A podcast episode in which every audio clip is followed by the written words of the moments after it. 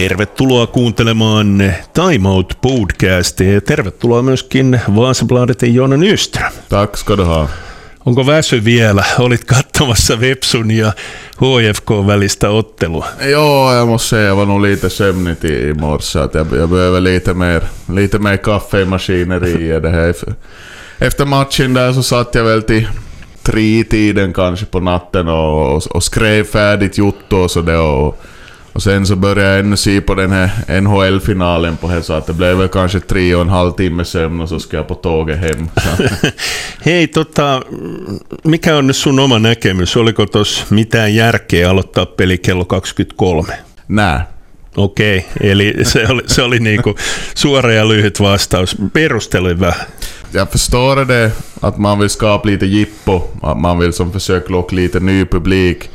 Men det här att spela mitt i natten så här tycker jag att det är ju ett koncept som man har hittat på i norra Finland och det funkar ju där för att där finns midnattssolen på riktigt. Och, och så vidare. Och nu förstås, nu hade ju då Helsingfors IFK lite otur med vädret. Det var mulet så det var mörkt, ganska mörkt i Helsingfors. Så jag, jag vet inte annars heller om det skulle ha varit så ljus något mer.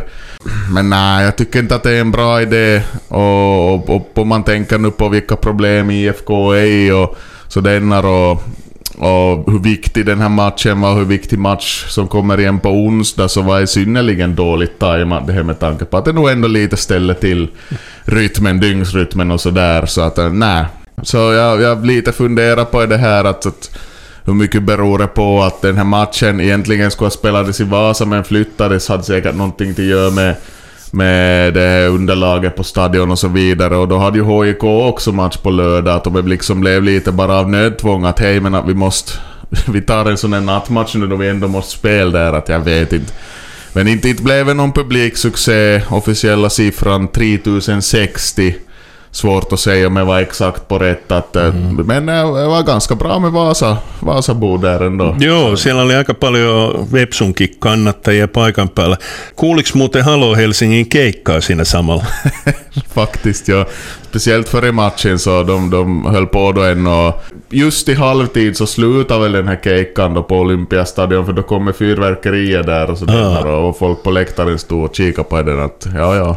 Joo, ilotulitusta tuli kyllä sitten myöskin siellä Bolt-stadionilla ja kun IFKlla ne ei muutenkaan ole fyrkkaa, niin tosta tulee varmaan aika kovat sakot siitäkin.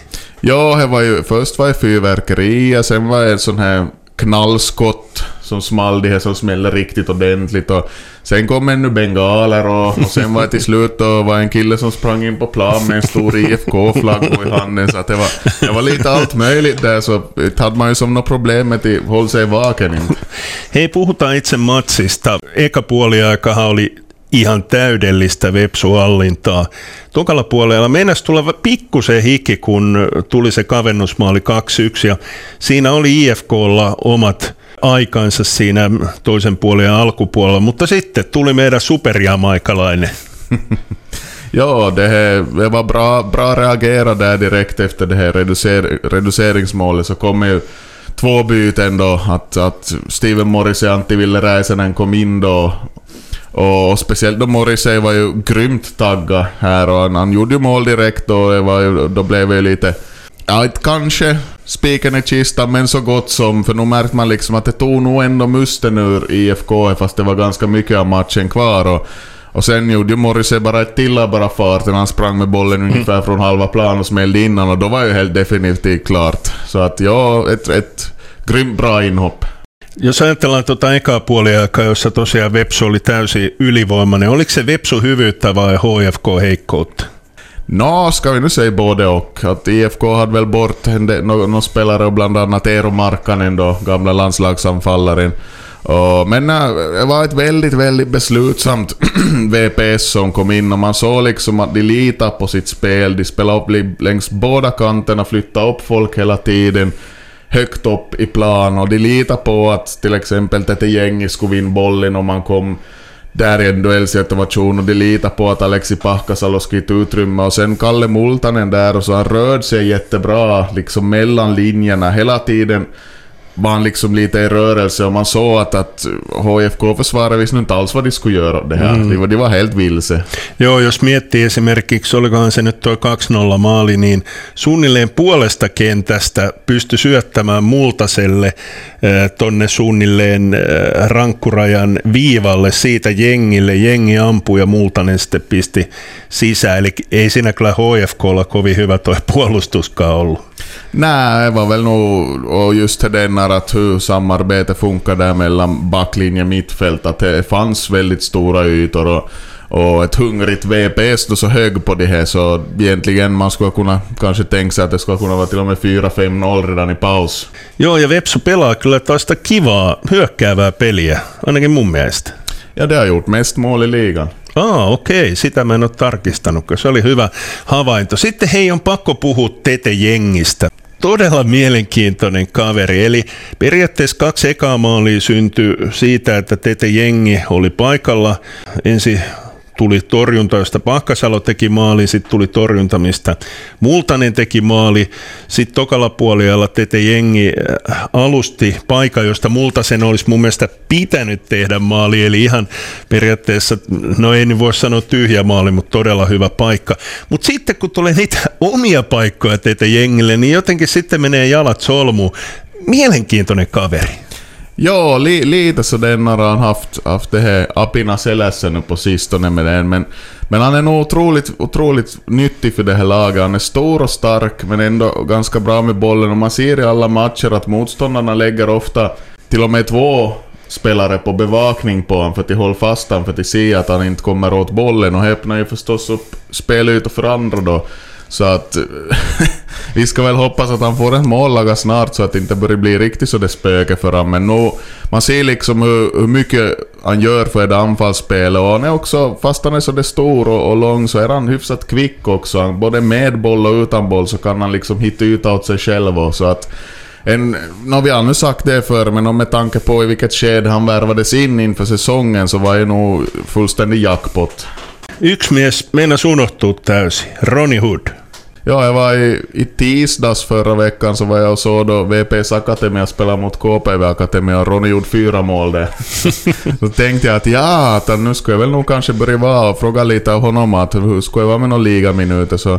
Men han var ju ganska så det proffsigt sa han att nej men vi tar det vecka för vecka, jag kommer nog, jag kommer nog. Nu blev han inbytt. Sex minuter senare så lagade han mål första ligamatchen, första ligamålet, så att det är ganska, ganska effektivt. Joo, mielenkiintoinen oli tuo kierros muutenkin. Siellähän sekä Kuopion palloseura että HJK kärsi tappion ja tosiaan Honka voitti kupsia.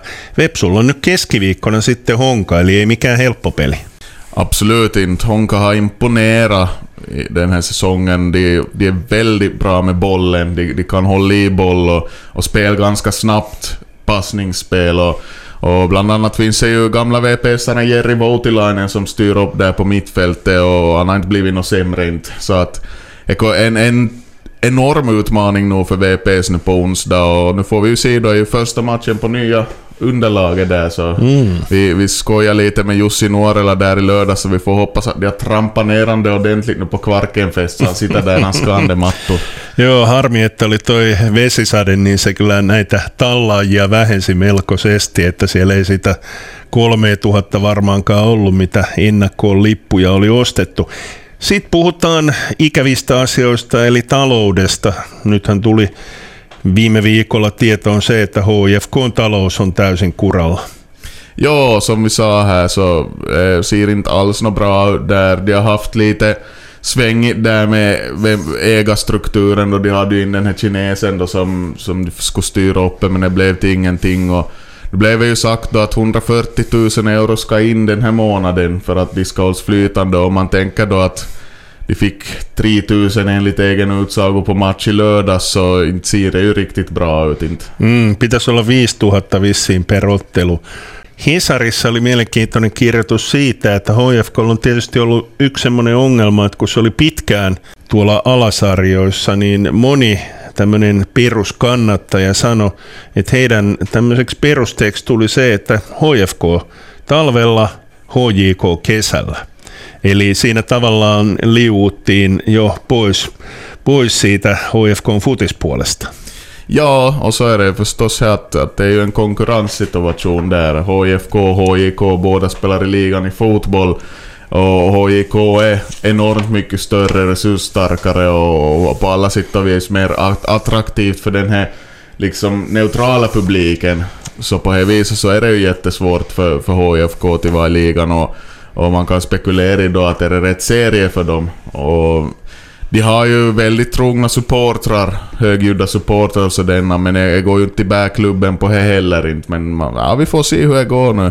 Ja, jag skulle säga att, att de får ju nog bara vara glada och nöjda om de får säsongen genomförd, men sen måste man ju också fundera med tanke på hur det laget ser ut, hur det spelet ser ut, så, så lär de ju inte spela i ligan nästa år i vilket fall.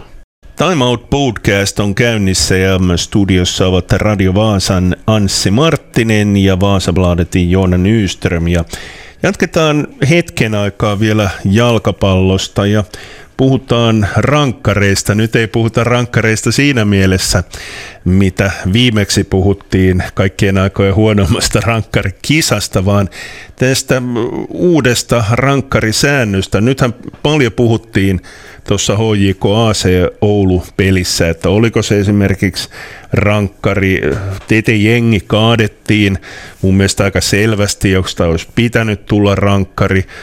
Ennen vanhaa oli aika selvää, jos käteen osu rankkarialueella, se oli rankku. Nyt tulee aika paljon tällaista niin kuin pohdintaa. No ett tag var de in på att de skulle ha det så på nytt att det skulle vara att det. Men en hänradin, så nu, nu ser du ju på den det är ju två faktorer som är viktiga här. här dels hur nära ifrån bollen kommer och så är det den som de pratar om, den naturliga kroppsställningen. Att, att om man gör sig större med armar, händer, så då är det straff om bollen tar i armarna eller händerna. Men om, om, man, om man inte gör det då så är det kanske inte straff. Så det är nog, är nog väldigt, väldigt mycket subjektivt enligt vad domaren ser i läget. Och jag håller med också det är ett gäng, så det är speciellt det läge just före Morrisseys 3-1 mål då Sakari Mattila klättrar upp på ryggen på honom, han ändå inte får en straff. Där blev man lite fundersam.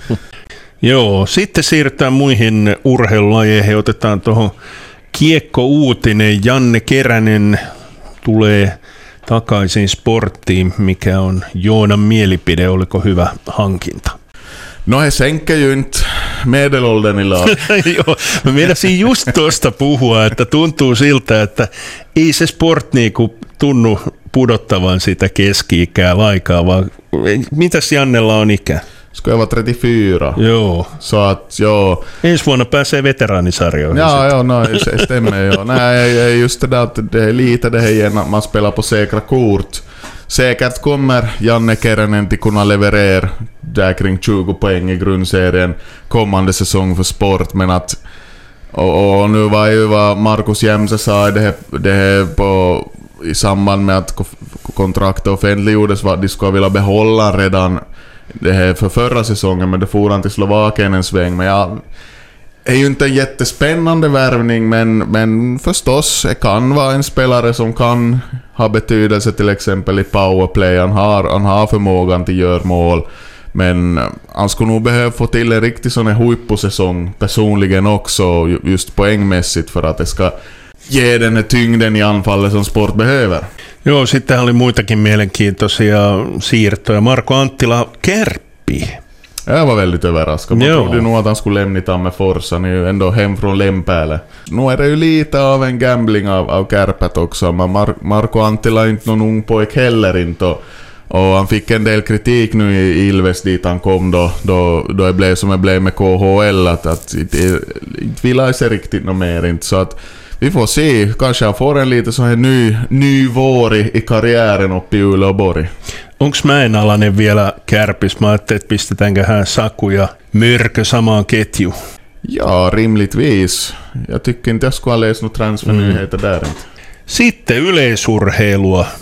Oliver Helander lähes 90 metrinen, oliko se suonenveto, eli yksi heitto tälle kaudelle ja muut sitten jää kahdeksaan kahteen. Nej, jag tror inte. Jag tror nog Helander har kapacitet och, och kommer till vara det här, bara han får hålla sig skick nu då så kommer han till konkurrera om medaljer i sommarens mästerskap. Det blir ju två internationella mästerskap, både VM och EM. Och, och nej, det, de här skadeproblemen han har haft, han har ju haft jättelänge nu så att man har ju som blivit lite fundersam kring den här nivån. Men jag tycker att också för hans egen del så var det jätte, jätteviktigt att han fick till det här kastet i Åbo. Att i, i det här skedet av säsongen dessutom. Det ger lite stadga och det ger arbetsro just som man brukar prata om. Att nu behöver inte han riktigt stress heller med till bevis utan det finns nog där någonstans. Tero Pitkämäki, uusi valmentaja. Kuinka paljon sä luulet, että Pitkämäellä on tähän vaikutusta, että Helander on noussut taas huipulle? Ei, jättesvårt att säga. Jag vet inte alls hurdan Tero Pitkämäki är som tränare inte, men, men säkert kan han bidra med just det här hur, det här hur man ska agera i en tävling och sådär. Han har ju, han har ju tagit medaljer internationellt och han har varit på toppen så att Sen liksom med allt det här som kommer till kastteknik och sånt så har han ju nog haft bevisat att han har från förr. Men det viktiga skulle ju nu att det håller sig skadefri och, och hur mycket Pitkämäki kan hjälpa med det vet jag inte. Sitten puhutaan säävaikutuksesta kisoihin. Tässä on puhuttu paljon rockfestareiden ja festareiden osalta sitä, että miksi ihmiset ei käy, niin kyllä Suomessa ihan selkeästi näkee sen, että sää vaikuttaa siihen. Paavo Nurmi Games, siellähän oli käynyt niin, että kun oli sitten tullut hieno, hieno sää, niin siellä oli kuulemma ollut sitten ongelmia siinä, että nämä oheispalvelut ei oikein toiminut, koska yleisömäärä yllätti. Sitähän oli todella hyvin, se oli lähestulkoon täynnä katso. Mutta sitten taas kuortane, kun sato vettä, niin yleensä kuortaneella on tupa täynnä, nyt oli todella vähän. No nu satte ju en del folk där med regnjackorna Jo, på. jonkun verran. Ja, men det är klart och, och Följer du friidrott så vet du också här att om det är dåligt väder så påverkar det ju direkt resultaten på banan Mm. så då sänker ju förstås intressevärdet för, för tävlingarna. Och till exempel just Helander nu så valde att inte ställa upp i spjuttävlingarna, han ville inte ta några risker där på, på blöt bana i lite så är småkallt väder så att sådana saker så spelar ju förstås in. Joo, puhutaan sitten vielä Vaasan seutulaisista urheilijoista. Camilla Richardson, ennätys kolmella tonnilla, mutta ehkä mulle se kovempi juttu oli erään vaasalaisen seivästulos. Just ja. Det, Mm. Mikko Paavola nimittäin asuu Vaasassa. Ja, Mikko Paavola, ja precis. 5.70, joka oli aika yllättävä. Sehän oli mielenkiintoista, että toi kisahan käytiin sisähallissa. Jaså, ja ja. Jo. No, men det är ju, är ju helt vettigt och det finns en bra, bra idrottshall i Kuortane och, Mm. och just stav så det kan ju vara farligt att börjar hoppa Joo, ei, ei tossa, joo, nej. ei, ei. Joo, Mikko Paavola al- alkukausihan oli tosi huono, että siellä Tampereellakin taisi jäädä ilman tulosta, mutta näin on ymmärtänyt, että tosiaan Vaasassa Mikko Paavola asustelee. Täällähän asuu aika paljon semmoisia urheilijoita, jotka ei sitten kuitenkaan vaasalaisia seuroja edusta. Puhutaan vielä lyhyesti urheilutapahtumasta, joka keräsi 17 000 osallistujaa. Kuinka tarkkaan Joona seurasi Jukolan viestiä? Jag vet att, att, att Jukola skedde. jag såg någon bild här och var, men, men som sagt, jag, jag var upptagen med annat på lördag. Joo, sulla oli se futismatsi. Täytyy sanoa, että tuon Vepsun pelin jälkeen niin vielä jonkun aikaa pysyin siinä hereillä ja kattelin Jukolan viestejä. Sitten kävi vielä semmoinen hyvä säkä, että heräsi aivan liian aikasi sunnuntai-aamuna, niin näin sen maaliin tulon sitten, kun pistin TVn päälle. Ja en mä tiedä, tuossa suunnistuksessakin on tietyllä tavalla jotain koukuttavaa. Toki suunnistuskin on joutunut tekemään niitä ratkaisuja, mitä monet muutkin urheilulajit. Eli esimerkiksi tämä kaupunkisuunnistus on tullut, jolloin saadaan niin kuin enemmän kiinnostusta siihen. Ja, och nu just med de här stora evenemangen, de här sån här nattkavle till exempel, så är ju väldigt, väldigt speciellt evenemang och, och just orienteringsmänniskorna är ju sådana som tycker Tycker om till fara till skotsin och, duscha i tält och allt det händer och, just han det, han det andan som finns inom sporten är ju en jättefin grej. Det, själv så far jag inte ut till, till skogs och, och, söker några kontroller. Jag, jag, jag var inte vidare bra på det då vi provade på i högstadiet. Joo, mulla oli myös vähän sama ongelma. Ei nyt sentään opettajien tarvinnut lähteä hakemaan mitään etsintäpartiota, mutta en ollut kyllä suunnistuksessa mikään erikoinen. Onko Joona vielä mielessä jotain tältä urheiluviikolta?